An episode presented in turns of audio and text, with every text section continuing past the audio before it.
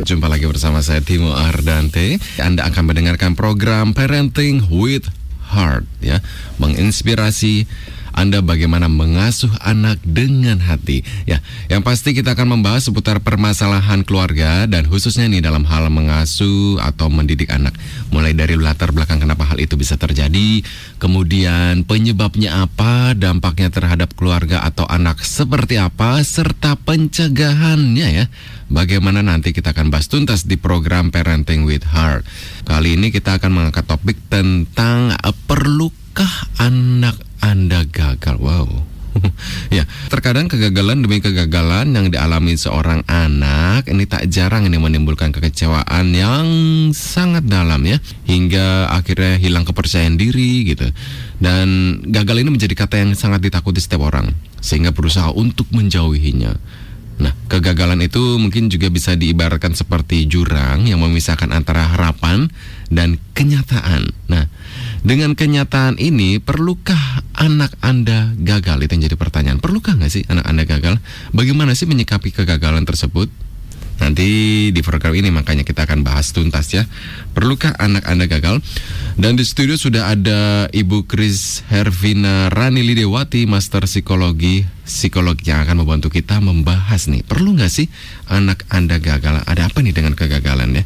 Hari ini tentang berbicara kegagalan. Perlukah anak Anda gagal? Waduh, ada apa ini dengan kegagalan ini? Ya, uh, jadi mungkin banyak orang tua kan kayaknya alergi ya sama kegagalan gitu ya. Nggak, semua orang tua kita semua kali ya. Oh, kita semua ya gitu ya. Ya, jadi uh, sebisa mungkin kalau iya jangan gagal gitu. nggak enak kan gitu ya. Kalau bisa ya sukses terus. Mm -hmm. Tapi kan yang namanya hidup pasti dinamis. Ada selalu ada kegagalan dan nanti mungkin kita akan belajar itu kan katanya kan kegagalan uh, kegagalan itu adalah kesuksesan yang tertunda gitu. Nah, cuman kali ini adalah konteksnya kalau anak kita yang gagal gitu ya, lalu bagaimana sebenarnya orang tua menyikapinya? Hmm. Perlu nggak sih anak kita juga dibiarkan juga untuk merasakan kegagalan dibiarkan gitu ya? Dibiarkan untuk merasakan kegagalan. Iya. Kadang-kadang kan sekarang ini hmm. orang tua itu kayak drone gitu ya, bukan hanya protektifnya itu cuman sekedar mata, tapi pengennya tuh mengikuti, memantau wow, gitu ya, nempel ya. Hmm. Bahkan mungkin sebisa mungkin mencegah kegagalan pada anak. Uh, jadi banyak kasus-kasus uh, orang tua memindahkan anak sekolah misalnya hmm. gitu ya supaya anaknya tetap naik kelas misal gitu ya atau hmm. uh, berusaha se bagaimana mungkin gitu ya jangan sampai anak saya melakukan kesalahan kegagalan dan seterusnya jadi banyak orang tua yang menginginkan mungkin gitu ya saya dulu pernah gagal maka hmm, sekarang jangan sampai anak kita nah, seperti kita kan gitu. uh, jadi mencegah itu tapi terlalu berlebihan sehingga tidak membuat anak belajar menghadapi realita hidup hmm. Jadi kalau yang namanya kegagalan itu semua orang ngalamin kan gitu ya. Tidak ada satupun di dunia ini yang orang sukses bahkan gitu ya. Hmm. Uh, kalau mau sebutin siapa sih tokoh-tokoh besar itu pasti pernah ngalamin yang namanya kegagalan. Berapa kali sih uh, kalau yang sering diangkat nih contoh Thomas Alva Edison gitu yeah. ya. Iya. Mau, mau siapa yang bisa ngalahin tuh kegagalannya dia gitu berapa ya. Berapa ribu lampu yang yeah, sudah diciptakan. gitu ya. Mungkin hmm. bukan bukan bukan lampunya tapi hmm. berapa per, kali percobaan yang akhirnya hmm. menemukan yang lain lain hmm, sebenarnya sebe sebelum dia menemukan lampu hmm. gitu ya. Jadi um, banyak hal yang mungkin kita bisa pelajarin kalau dia berhenti nih misalnya kegagalan pertama, mungkin sampai hari ini kita gelap ya gitu ya nggak ada lampu gitu ya. Atau kegagalan kedua udah capek gitu ya atau mamanya nggak mendukung. Di balik uh, kesuksesannya Thomas Alva Edison tuh ada orang tuanya loh gitu ya. Meskipun dia kan dibuang ya dari sekolahan, hmm. dia tidak dianggap Uh, bahkan uh, sudahlah gitu ya nih anak tuh bodoh, bodoh hmm. gitu ya mungkin uh, bahasanya seperti itu gitu ya uh, tapi mamanya tetap uh, membimbing dia mendorong dia encourage dia hmm. memfasilitasi dia iya dong kalau nggak ada uh, yang fasilitasnya nggak mungkin dia melakukan hmm. percobaan ini itu hmm. jadi uh, hadirnya orang tua di tengah mungkin orang lain tidak melihat potensi anak uh, tetapi ketika ada pendampingan dari orang tua di tengah kegagalannya yang yang terjadi uh, bisa menemukan sesuatu. Nah itu banyak cerita saya pikir. Hmm. Jadi kadang-kadang kan kita ceritanya Thomas Alva Edison kan cuman berhasilnya doang ya, hmm. nggak tahu tuh kemarin diusir dari sekolah gitu ya, nggak tahu ya kalau dia sudah di uh, judge uh, se apa namanya nih anak udah lah nggak ada harapan hmm. lah ya hmm. gitu ya. Uh, dia bahkan kalau percobaan juga orang juga tahu percobaan apa sih gitu ya gagal terus gitu ya. Uh, mungkin semua orang udah hopeless gitu ya. Hmm. Tapi kenapa kok dia punya daya juang yang sedemikian rupa? Justru orang yang tangguh itu orang yang ketika gagal kemudian coba bangkit lagi, gagal coba bangkit lagi karena dia punya daya tahan untuk hmm. itu. Nah, bagaimana jika sekarang ini anak kita yang gagal bahkan kita cegah gitu ya. Kalau jatuh sebisa mungkin jangan, jangan jatuh, jatuh gitu ya. uh, bahkan kalau yang namanya anak lagi belajar jatuh uh, belajar jalan sore jalan terus jatuh ya dia akan mencoba untuk berdiri lagi gitu ya. Jatuh ya coba berdiri lagi dan seterusnya. Coba kalau kita uh, tidak membiarkan itu terjadi mungkin ya anak kita juga ngesot terus kali ya gitu ya. Jadi uh, ya jatuh itu wajar. Kayak belajar naik sepeda juga uh, gagal itu saya pikir juga biasa aja gitu. Hmm. jadi nggak uh, tahu entah bagaimana ceritanya tetapi banyak sekali stigma-stigma yang uh, hadir gitu ya di pikiran-pikiran uh, kita semuanya bahwa kegagalan itu seperti sesuatu momok hmm. gitu ya. Jadi kayaknya cukup menghancurkan prestis gitu yeah. ya. Cukup um, kalau bisa tuh janganlah gitu hmm. ya. Tapi uh, ya kita lebih membantu juga ada beberapa training mungkin gitu yang hmm. membantu kita memahami bahwa it's okay loh gitu ya. Semua orang ngalamin itu. Bahkan termasuk ketika misalnya gagal ujian, gagal mendapatkan apa. Nah, yang perlu dipahami sekarang adalah kegagalan ini kegagalannya siapa sih sebenarnya ya? Kegagalannya anak atau kegagalannya orang tua? Mm -hmm. Jadi uh, kegagalan ini sendiri sendiri kan kata yang diciptakan sebenarnya untuk siapa sih sebenarnya? Jadi hmm. untuk standarnya siapa? Kan namanya kegagalan itu kan kata yang uh, tercipta kalau dia tidak mencapai sesuatu atau tidak menghasilkan sesuatu, maka dibilang gagal gitu kan. Hmm. Nah, pertanyaannya adalah tidak mencapai standarnya siapa, tidak mencapai harapannya siapa? Hmm. Uh, itu yang perlu digali lagi. Apakah memang uh, standarnya orang tua atau standarnya anak hmm. atau mungkin tidak mencapai tujuannya siapa gitu yeah. ya. Kalau tujuan pembelajaran kan memang gagal ya nanti dicoba lagi. Kita ujian next kan ada lagi gitu ya. Makanya dari awal udah ada tuh ya mungkin tryout dulu atau ulangan harian dulu baru nanti ujian tengah semester ada ujian akhir ya. It's okay gitu ya. Nanti dicoba lagi di semester yang akan datang misalnya ya hmm. kalau untuk di sekolah atau misalnya kegagalan apa gitu ya lomba ya nanti masih ada lomba lagi loh sebenarnya gitu ya uh, jadi um, siapa yang gagal gitu ya siapa hmm. yang uh, menetapkan standar itu siapa yang merasa gagal sebenarnya gitu ya jadi uh, mungkin perlu dimention adalah siapa yang tidak memenuhi siap uh, standarnya siapa gitu ya. Jadi agak susah gitu ya. Ini yang gagal siapa sih sebenarnya gitu pasti ya. Pasti orang tua berpikir anak saya gagal ini uh, aduh nggak naik kelas kan gitu kan. Ya jadi mungkin uh, itu yang menjadi pembahasan hari ini. Hmm. jadi kalau ditanya ya kalau gagal gimana sih? Mungkin juga hmm. orang tua bisa sharing juga gitu iya. ya. Bagaimana sih memotivasi, memotivasi anak yang hmm. agar bangkit dari kegagalan? Gitu ya? Betul ya? gitu ya. Jadi atau mungkin juga punya pengalaman-pengalaman uh, menghadapi kegagalan-kegagalan begitu hmm, ya. Sampai boleh. akhirnya bisa bangkit lagi. Hmm. Dan saat ini Anda masih mendengarkan program Parenting with Heart masih bersama Ibu Kris Hervina Rani Lidewati Master Psikologi Psikolog. Dan masih pertanyaan tentang perlukah anak Anda gagal? Kalau tadi di sesi pertama kita membahas tentang bahwa setiap orang pada akhirnya atau mungkin akan mengalami kegagalan ya. Bahkan pasti akan mengalami pernah mengalami kegagalan. Nah bagaimana sih sikap kita untuk menyikapi hal tersebut? Terutama nih orang tua jika putra putrinya pernah gagal gimana nih sikap orang tua untuk menyikapinya? Dan Terlebih lagi sebenarnya kegagalan ini kegagalan orang tua atau kegagalan si anaknya nih. Ya, Bu Kris. Di mana nih kita bisa membedakan ini sebenarnya kegagalan orang tua atau kegagalan si anak ini?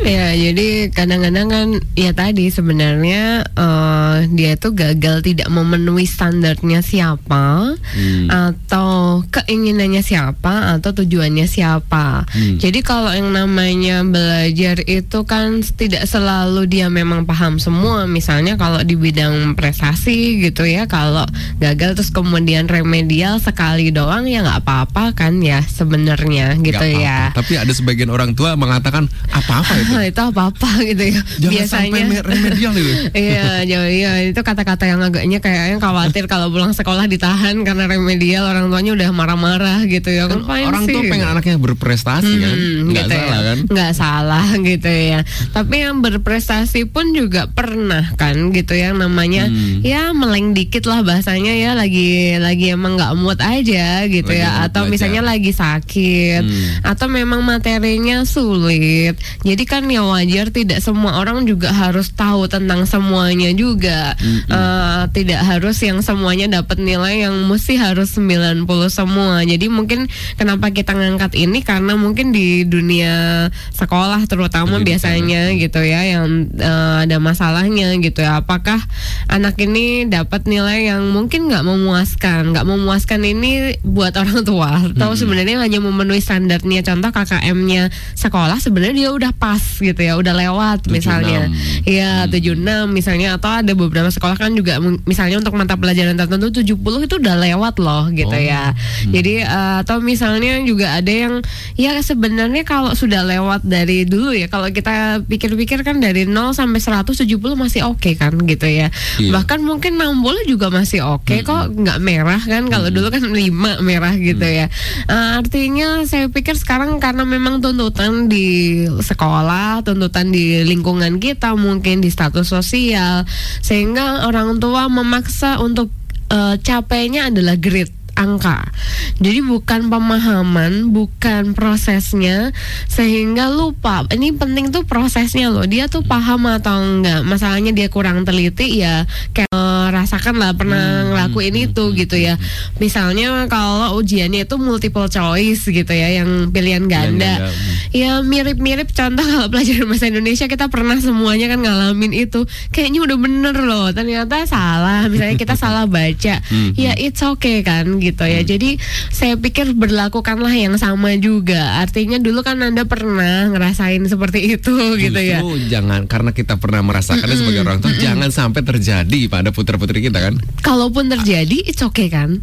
Eh, sebisa mungkin. Iya, sebisa mungkin. Tapi artinya kalaupun itu terjadi, Hmm. ya wajar kan. Sebenarnya semua orang artinya eh, bisa mengalami itu. Bukan Hmm, berarti kalau misalnya anak kita eh, mengalami itu kayaknya udah yang wah gimana gitu ya. Karena banyak sekali yang terjadi adalah ketika anak gagal, orang tua justru responnya itu kira-kira kayak gimana gitu ya. Nantinya akhirnya dampaknya jadi em, lebih menekan lagi si anak gitu ya. Makanya kasusnya kan banyak ya karena tidak memenuhi standarnya orang tua anaknya justru tambah hari tambah stres malahan gitu ya. Jadi terlalu tinggi tuntutannya kadang-kadang kemampuan anak juga nggak nyampe seperti harapannya orang tua. Jadi banyak sekali ya saya nggak suka ini misalnya dipaksa. Saya mesti lomba dan harus menang. Contoh kalau untuk di anak-anak ranahnya TK SD ya mereka itu lomba bukan untuk cari piala sebenarnya. Tapi iya seharusnya untuk tahapan seperti Oh. itu eh, di tahapan mereka itu adalah tahap di mana dia lagi bangun rasa percaya dirinya. Jadi yang penting Oh. coba aja, bukan suatu yang eh, achievement itu buat orang tua kayaknya mestinya gitu ya. Kayaknya bangga banget mereka bukan itu ya karena mereka berani tampil, berani mencoba, memang harus yang dilatih didorong itu gitu ya. Untuk melatih kepercayaan. Iya, diri. untuk melatih kepercayaan diri mereka, untuk berinisiatif juga. Yuk coba sesuatu yang baru, explore. Saya suka nggak ya dan ini itu sesuai tahap perkembangannya mereka gitu ya di misalnya di TK, di SD gitu ya. Yaitu hanya sampai di situ Jadi bukan mereka belum mengerti tentang sebuah piala gitu. Iya, bukan hal yang utama sebenarnya, Oh. tapi biasanya orang tuanya yang mengajari untuk itu akhirnya gitu ya, untuk persu gitu ya, untuk kejar terus gitu ya. Banyak makanya akhirnya anak-anak yang SD pun sudah berambisi, punya ambisinya yang luar biasa, ambisius banget gitu ya. Bagus kan ketika Iya, kalau ambisi. punya ambisi bagus, tapi kalau terlalu ambisius pasti itu menjadi nggak sehat juga Oh. buat secara psikologisnya. Jadi ketika misalnya dia nilainya di bawah standarnya dia, akhirnya dia akhirnya punya standar kan. Kalau misalnya di bawah 90 itu adalah eh, kegagalan yang luar biasa buat dia dan itu cukup me- apa ya? Menyakit- ya menyakitkan bagi. Iya pengalaman yang buruk jadi Hmm. frustasi. Padahal kan It's okay gitu ya. Satu eh, bahwa setiap orang itu pernah lah naik turun itu wajar. Hmm. karena orang tua menganggap tadi kayak masih mau bilang jangan sampai gagal gitu ya. Hmm. jangan sampai mengulangi kesalahan yang sama yang saya lakukan. Hmm. kalaupun iya yang penting sekarang anda juga bisa tetap bertahan kan gitu ya. Dan bisa bangkit. Kalau itu terjadi sama anak bahwa nggak boleh yang namanya gagal gitu ya. Kamu harus yang berhasil gitu ya. Karena harapannya terlalu tinggi anak menjadi ketakutan sekali untuk mencoba nantinya. Jadi kalau misalnya eh, para orang tua eh, juga mungkin juga pernah berbagi eh, perlu berbagi juga kepada orang tua orang tua yang lain. Ya kalau anaknya sudah gagal lalu biasanya responnya seperti apa gitu ya? Eh, atau misalnya eh, ada perbedaan juga kalau anaknya punya talenta atau bakat yang berbeda dari orang tuanya eh, lalu apa yang terjadi? Misalnya ekspektasinya saya pintar matematika anak saya juga harusnya bisa matematika. Eh, kalau misalnya nilai matematika yang jelek eh, maka yang harus dileskan itu. Padahal dia mungkin punya bakat yang lain. Justru harusnya yang dikembangin kan yang lain tuh ya yang perlu didorong lagi dan Iya. perlu eh, dapat tambahan ilmu. Tapi itu tidak terjadi. Kenapa? Karena saya nggak mau anak saya gagal. Mhm. makanya sema- Akhirnya sibuk fokus terhadap kelemahan ya. Iya, fokus sama kelemahannya ditekan lagi, ditambah semakin ditekan anak nggak akan berkembang, semakin ditekan anak juga tambah nggak kreatif. Jadi dia merasa justru nggak punya rasa percaya dirinya. Ya saya tuh memang nggak bisa apa-apa gitu ya. Jadi semakin dia merasa ya di tempat di sal- ya di tempat yang salah dalam arti itu bukan bakatnya dia, bukan eh, istilahnya kelebihannya dia. Mau digimanain juga udah ampun-ampun gitu ya. Kalaupun mau dikasih contoh lah, banyak sekarang kan kalau les-lesan kasih soal 100 soal gitu ya. Suruh ngerjain math gitu ya atau 50 soal. Ya kalau dia belum paham ya mau kasih 1000 soal juga ya masih nggak ngerti juga. Jadi yang dia butuhkan mungkin bukan remedial untuk ngerjain soalnya tapi remedial teaching diajarin lagi baru ngerjain. Kalau disuruh ngerjain mau remedial sampai tiga kali juga ya lulus lagi. Karena nih yang dia butuhin remedial teaching artinya perlu diajarin lagi.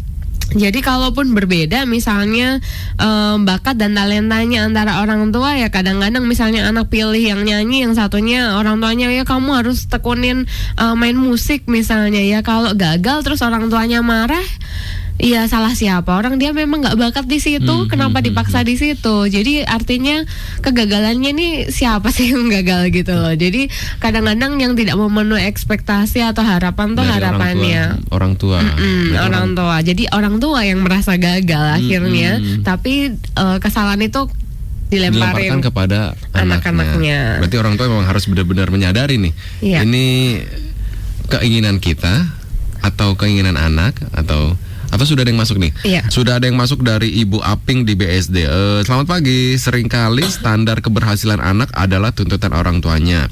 Namun terkadang kita melihat kenyataannya anak yang dipacu mengikuti standar orang tua menjadi lebih berambisi dan eh, menjadi baik dalam kurang ini dalam dunia kasat mata ya. Misal tidak pernah remet, ulangan selalu dapat nilai di atas KKM. Hmm. Tapi saya yang coba mengerti anak di mana se- se- tapi saya yang mencoba mengerti anak di mana sekolah dari jam 7 pagi sampai jam 7 malam belum lagi kerja kelompok. Sudah SMA nih mungkin anaknya. Tapi anak juga tidak termotivasi memperoleh nilai yang lebih baik. Sudah seperti itu nilai KKM terus. Tipsnya apa ya, Bu? Untuk mendorong anak untuk dapetin KKM kali ya maksudnya dia ya. Mm-mm, nilainya setidaknya sesuai dengan minimal dari KKM itu sendiri ya. Eh, cara untuk kenalin anak itu kan beda-beda sudah juga. SMA nih. Udah SMA ya, udah ke- mungkin udah mau lulusan juga kali ya, udah udah udah dik kali ya. Oke, em, kalau sudah dewasa ya, sudah SMA eh, itu harusnya memang dia punya inisiatif dan kesadaran sendiri. Hmm. Jadi didorongnya adalah bukan lagi kita yang punya eh, netapin nih sekian gitu ya, karena kita punya harapan itu bagus.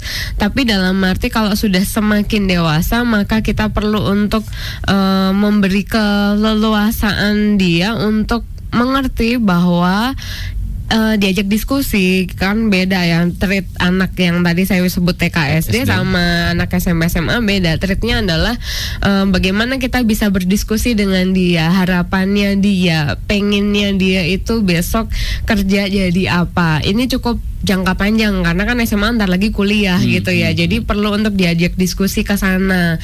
Bukan lagi untuk melulu kamu nilainya bagus bukan itu. Tapi lebih ke jangka yang lebih jauh lagi supaya anak bisa memikirkan eh, untuk ke depannya seperti apa. Kadang-kadang begini kalaupun misalnya nih ya nilainya nggak semuanya KKM saya dulu pernah jadi guru jadi ngerti rasanya eh, orang tua deg-deg gitu ya marah-marah sama anaknya. Eh, tenang dulu gitu ya. Kenapa?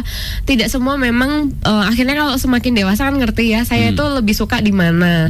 Saya itu passionnya di mana. Saya itu punya kemampuan lebih di mana. Artinya ya didorong itu memang harusnya di kekuatannya. Kalau semakin kita dorong hanya untuk kelemahannya saja eh, anak nggak akan kembangin diri dengan lebih baik. Jadi contoh begini kalau memang dia sukanya eh, di Matematika. eh, ya matematika misalnya di sains terus nilainya di IPS-nya jelek ya it's okay gitu ya. Jadi artinya memang direlakan saja digugurkan eh, ya udah fokus kamu memang ke situ akhirnya Eh, dalam arti gini kan satu mata kuliah eh satu mata kuliah sorry. Satu mata pelajaran kalau IPS tuh mungkin ada tiga gitu ya. Tapi kan di rapot itu juga jadi satu misalnya. Kalau kecuali nanti kalau udah penjurusan memang terbagi jadi tiga entah ekonomi akuntansi atau yang lain misalnya. Nah kadang-kadang kita punya trik kan kalau dianggap jadi satu ya sudah itu memang gugur ya nggak apa-apa. Dalam arti ya kalau bisa 70 aja udah udah bagus lah. Eh, lihat sekarang dia itu startnya dari mana saya nggak tahu soalnya kan masing-masing orang beda. Kalau startnya itu terlalu jauh dari KKM, ya sudah, memang kemampuannya mungkin segitu. Jadi kalau udah naik ya itu udah kemampuan kamu belum. Kalau sudah maksimalnya dia ya it's okay. Asal ada memang mata pelajaran yang memang dia kuat. Eh, memang hobinya dia misalnya untuk di bahasa atau di sains tadi saya bilang oh memang kuatnya di situ ya it's okay. Berarti kamu harus buktiin kalau memang kamu punya kekuatan di tempat lain gitu. Jadi kalaupun nggak semuanya karena kita terbatas sih di Indonesia harus belajar semuanya. Ya kadang-kadang mungkin ada beberapa anak yang sanggup untuk semuanya, tapi ada juga yang mungkin terbatas di beberapa mata pelajaran. Ya minimal KKM sih harusnya bisa misalnya orang tua lihat dulu kalau standarnya eh, 70 anaknya masih di 40 di 50 eh, orang tua perlu untuk aware. Anak saya sanggup nggak? Jauh banget tuh 50 ke Iya. 70 jadi eh, apresiasi adalah bagaimana dia berusaha untuk mencapai KKM itu. Jadi kalau misalnya dari 50 nih ke 55 it's okay. Itu berarti kamu udah berusaha kan? Jadi bukan yang kamu udah berapa masih juga 50 masih juga 60 gitu ya Belajar nggak sih kamu belajar sebenarnya? sih udah belajar cuman memang naiknya ya cuman segitu Atau range-nya cara gitu belajarnya ya. salah mungkin. Ya bisa jadi, Hmm. cuman kan lihat juga kemampuannya dari dulu nggak, jangan-jangan, Oh. eh, jangan-jangan dari dulu memang nggak suka tuh yang namanya sejarah Hmm. misalnya gitu ya, ya, ya mau gimana Mau gitu gimana kan. pun gitu. Iya, jadi kalau nggak suka duluan ya sudah. Jadi biasanya kita akan turunin standarnya. Jadi kalau kita, saya akan eh, kasih tahu minta tolong sama orang tuanya, ekspektasinya diturunin dalam arti apa? Iya memang dia mampunya segitu, misalnya 60 ya it's okay. Turunin dulu gitu ya Nanti untuk kan mencapai. jadi jelek. Nilai Ya, raportnya. Memang begitu, memang nggak masalah gitu Takutnya ya. nggak naik kelas kan gitu. Satu mata pelajaran sih nggak Oh, akan naik pelajaran. gitu. Jadi biasanya batasnya empat nilai Hmm, yang hmm, merah. Jadi artinya satu dikorbanin tapi yang lainnya bisa berkembang itu oke kok gitu ya. Hmm. Bukan berarti yang semuanya jelek semua, enggak. Tapi di encourage, yuk kamu kembangkan eh, semaksimal kemampuan kamu. Nggak Hmm. nuntut di satu hal gitu ya yang lemah itu. Tapi justru yang mana nih yang bisa didorong berkembang Hmm, ya akhirnya tetap juga kok naik survive. Eh, saya pernah memperlakukan ini. Jadi kadang-kadang kalau orang awam gitu ya masih mau berpikir bahwa kok dibiarin sih nilainya jelek? Iya, heeh. enggak tunggu dulu. Kan kita encourage juga biar dia seneng. Artinya pelajaran itu nggak harus loh semuanya perfect. Nobody perfect. Jadi relakan nggak apa-apa gitu ya. Satu pelajaran doang kalau misalnya merah itu nggak akan sampai nggak naik kelas. Kalau empat nah merah semua. Lima sepuluh nah Semuanya itu tuh. semuanya baru nggak naik kelas. Hmm, hmm, artinya gini kita akan mentolerir dia tuh melakukan kesalahan. Jadi dia merasa diterima bahwa it's okay jadi biar dia tenang nggak anxious semakin na- anak cemas semakin dia nggak bisa ngerjain apa-apa. Hmm. semakin dia tambah benci kalau ditekan. Itu kamu harus belajar semuanya bagus nilainya tuh KKM semua. Enggak. Kita bargain. Apa namanya? Eh, tawar menawar sama anak. Kira-kira eh, kamu yang maksimal bisa lebih istilahnya em, menonjol lah lulus KKM itu di pelajaran apa. Contoh Hmm, gitu hmm, ya. hmm, kira-kira yang nggak nggak akan remedial lagi lah janji gitu ya. Dari yang misalnya lima pelajaran gitu ya. Ya satu-satu lah gitu ya. Namanya orang berusaha boleh lah.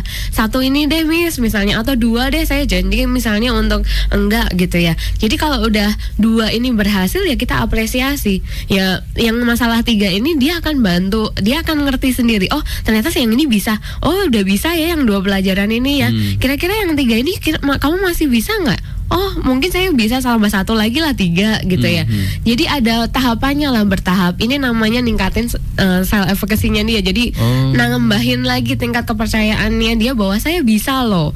Saya bisa. Nah nggak semua orang tua ngerti Nah. sih gitu ya jadi eh, jadi it's okay gagal satu gitu ya tapi yang lainnya berhasil gitu Hmm, jadi pelan-pelan nggak bisa yang semuanya kan oke semua memenuhi standar semua gitu Iya, katanya benar Bu, tidak semuanya nilainya minimal. Kata Ibu Aping tadi. Terima Eh, kasih katanya. Iya, heeh. Jadi saya pikir kalau satu doang ya relakan ya it's okay kok Iya. gitu ya. Jadi bahkan kita apresiasi yang sudah dia usahakan yang maksimal itu Hmm, baik itu kayak gimana.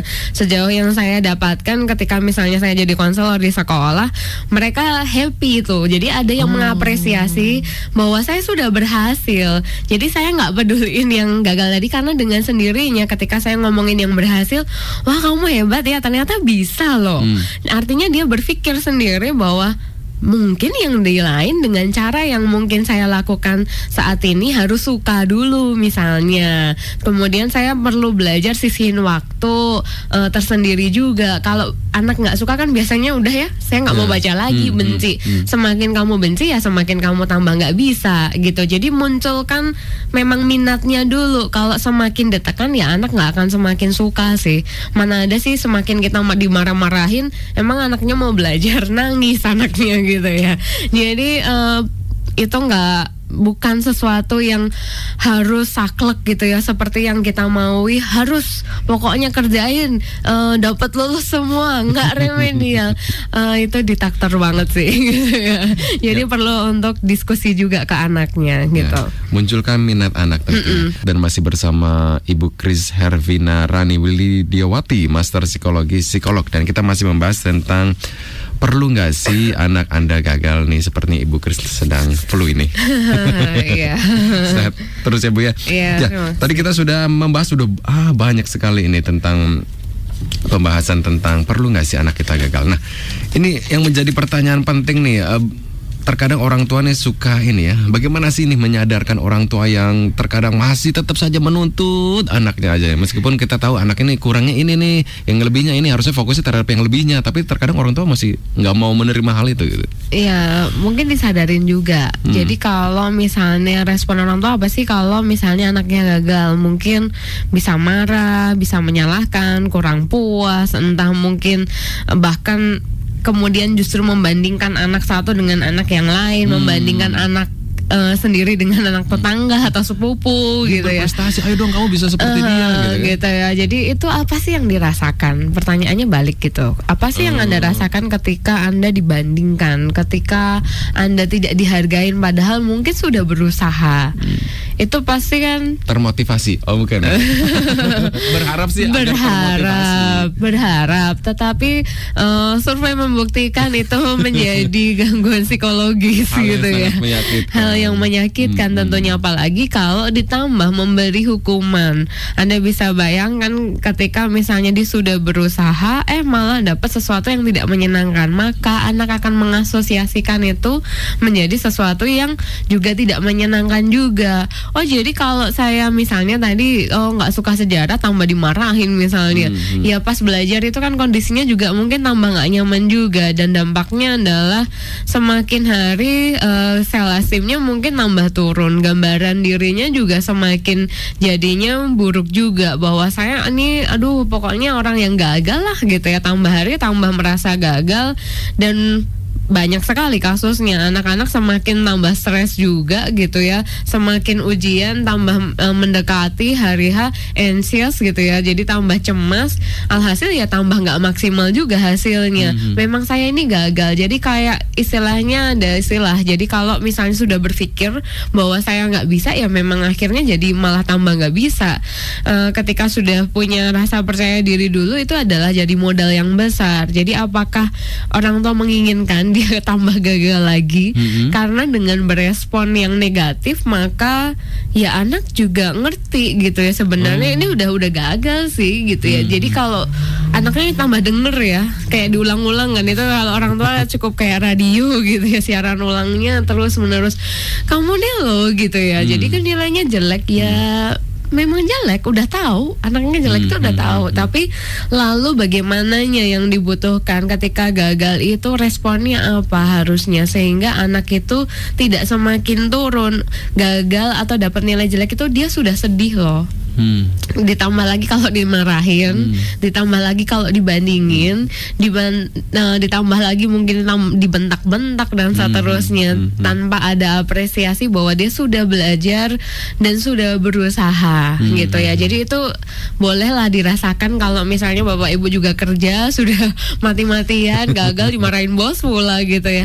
Kita sendiri sudah merasa bersalah loh gitu ya. Hmm. Jadi eh, apa sih yang eh, sebenarnya fungsinya ketika dia memang gagal itu sebenarnya ada fungsinya gitu ya. Jadi bukan hanya semata-mata cuma dimarahin dan nanti kan itu juga berfungsi buat dia gitu ya. Enggak, itu malah justru menambah penderitaannya dia gitu ya. Oh, bahwa saya ini gagal loh gitu ya. Jadi mungkin kalau Mas Timo tadi bilang banyak orang tua nggak menerima, ya sekarang diterima dulu nih respon yang seperti itu ternyata tidak memberi dampak yang positif Oh. supaya anaknya eh, berminat, supaya Berprestasi. anaknya berprestasi, Hmm. meningkatkan motivasi, Hmm.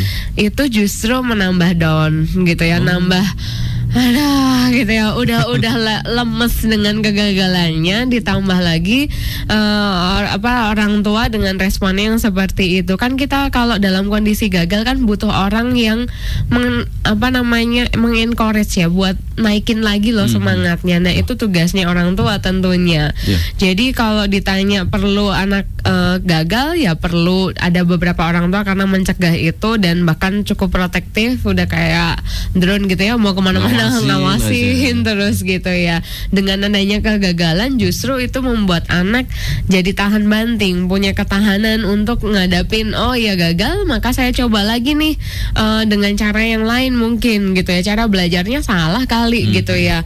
Merasa diri hafal. Saya dulu soalnya eh, ngerjain untuk tesis salah satunya untuk bikin pelatihan untuk itu. Jadi mereka ini banyak yang merasa namanya merasa kan gitu ya merasa hafal gitu ya. Kan meng- Tapi sebenarnya nggak hafal. Iya, kamu tahu merasa hafal itu gimana? Pas ngerjain ujian kan Heeh. kok lupa ya Eh, ternyata gitu ya. Jadi apa ya yang perlu di eh, istilahnya yang dibantu gitu ya supaya memang benar-benar hafal. Oke, sekarang kan banyak anak-anak yang suka vlogger gitu ya, video gitu ya. Mungkin bisa tuh di videoin kamu ngafalin apa. Bener nggak sama di buku misal ya, di recording.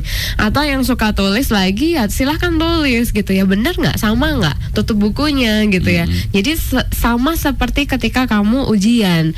Nah, itu eh, hal-hal yang eh, ide-ide seperti itu akan muncul ketika kita mendampinginya. Oke, gagal ini maka mungkin justru dengan kegagalan itu dia menemukan cara baru, ide yang baru buat nanti oh iya ya, saya harusnya bisa begini ya gitu ya. Jadi kegagalan itu akan melatih mereka juga. Oh, saya nggak bisa nih kalau kayak gini terus misalnya. Saya akan coba lagi. Nah, em, biarkan ngerasain kan malu juga. Terus misalnya kalau udah semakin dewasa apalagi gitu ya.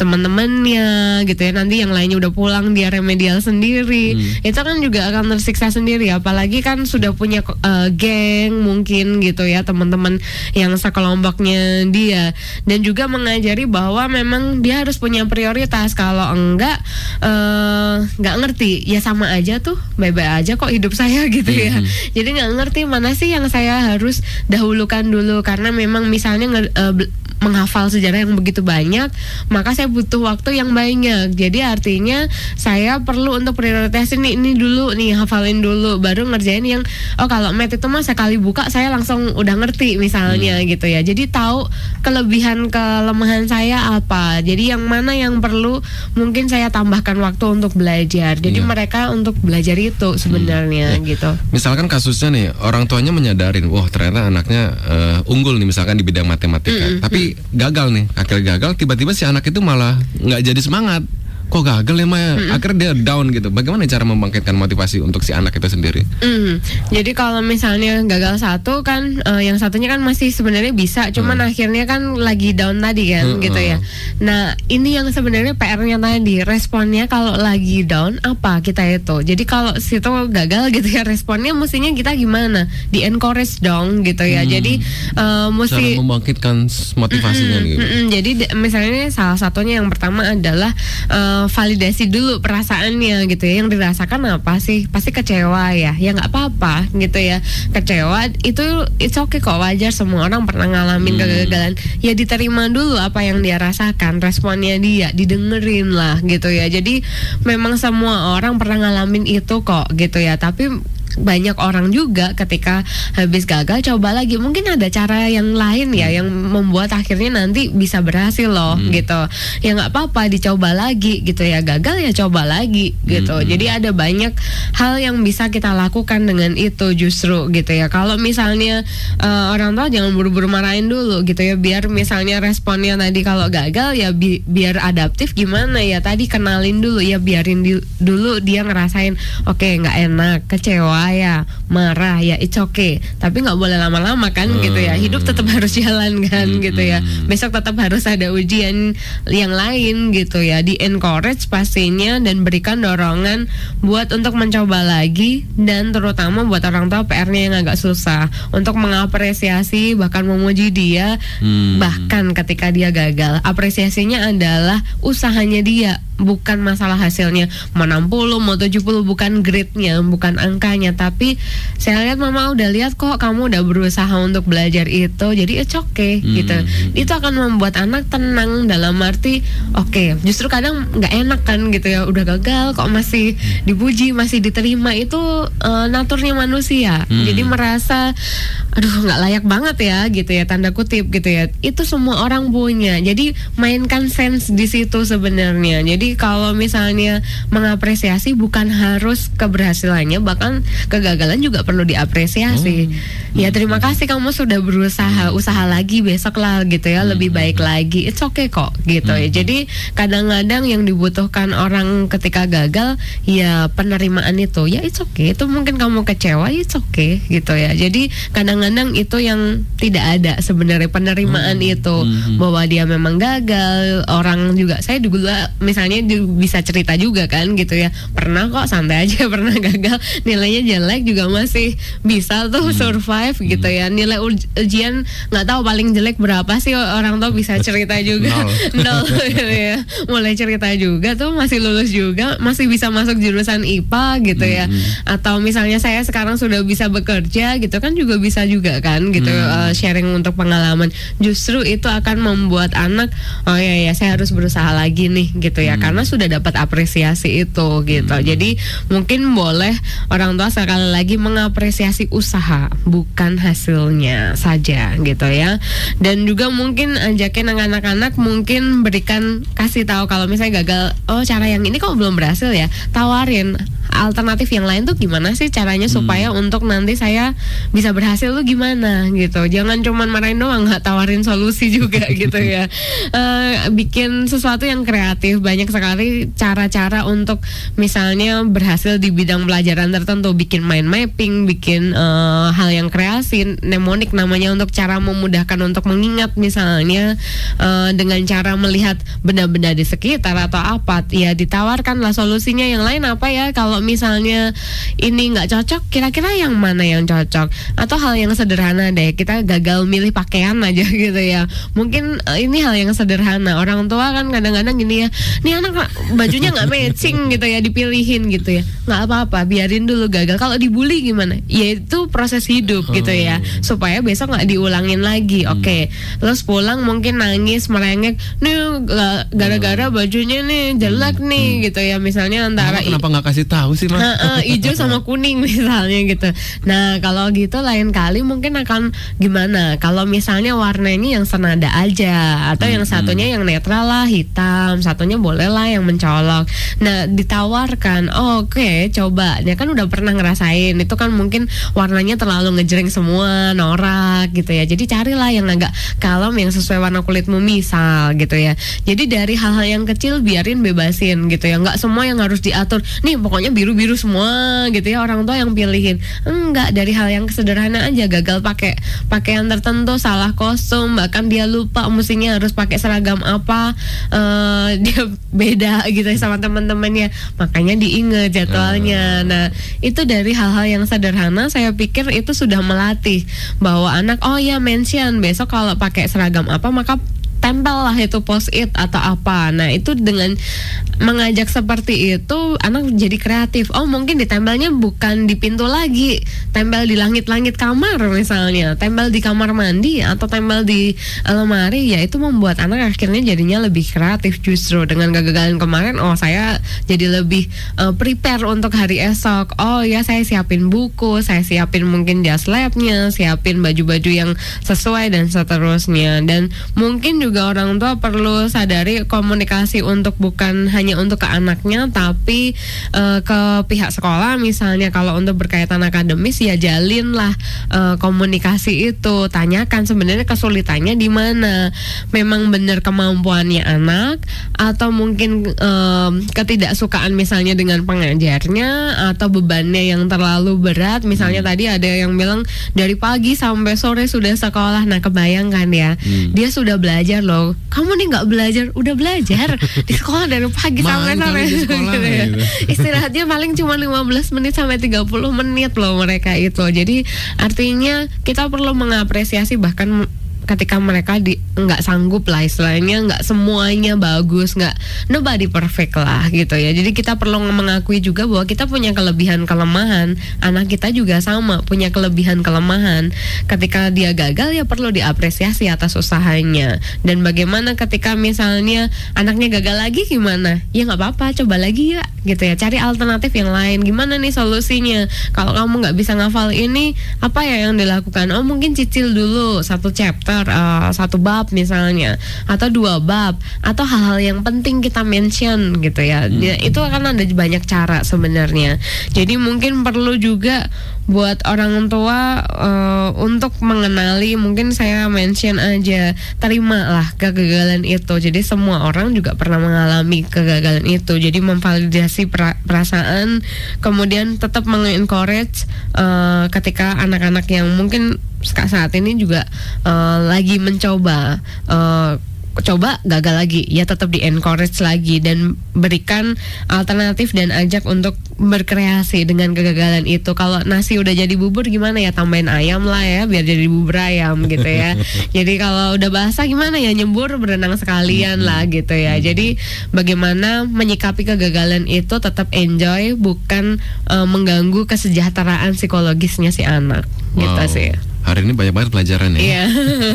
Terima kasih untuk Ibu Kris Iya, Herhina. semoga bermanfaat semuanya. Mungkin ingin bertanya lebih lanjut bisa menghubungi ke mana nih Bu Kris nih? Eh, boleh hubungin di line di at Chris Hervina di 08 58 680 50 999 triple 9. Baik, terima kasih sekali lagi Ibu Kris Sama-sama. Karvina Lidiawati Master Psikologi Psikolog untuk bincang-bincang kita di pagi hari ini.